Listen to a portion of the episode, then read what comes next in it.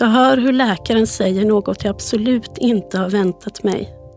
Jag har Alzheimers sjukdom. Plötsligt befinner jag mig inte längre där.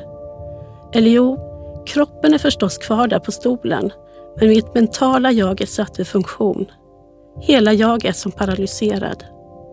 Min blick fastnar på en ventil högt uppe på väggen framför mig. Jag klarar inte längre av att blinka. Läkarens röst låter, men jag har ingen aning om vad hon säger. Kuratorn pratar visst också, tror jag. Själv befinner jag mig någon annanstans. Som i vakuum. Jag får ingen luft. Ögonen tåras, men jag kan inte förmå mig att blinka. Vad länge de pratar. Nu säger visst Henrik något. Hans röst vibrerar. Den låter skör på ett sätt som jag aldrig har hört den förut. Jag kan fortfarande varken lyssna eller blinka. Efter en stund märker jag att Henrik och jag sitter med varsin bit papper i händerna. De är ihopknycklade och fuktiga. Henrik hulkar och böjer sig mot mig.